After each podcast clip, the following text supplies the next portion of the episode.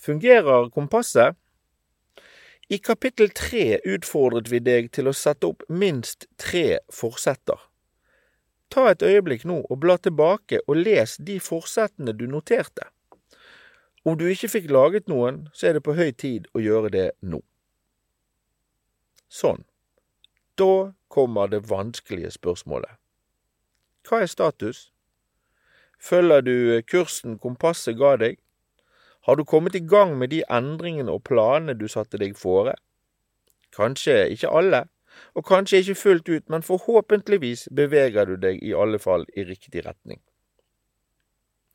Et kompass er ikke en navigasjonsfasit.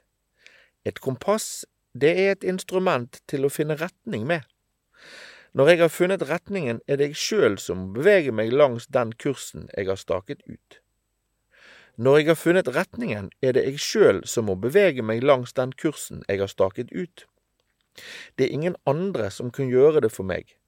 Så om utfordringene knyttet til forsettene du laget i kapittel tre virker uendelig store, så kan det kanskje være en idé å bryte de ned i mindre deler. Hvis jeg kjører bil fra Bergen til Oslo, vil veien føre meg i mange ulike kompassretninger før jeg når målet, men hovedkursen vil hele tiden føre meg i riktig retning.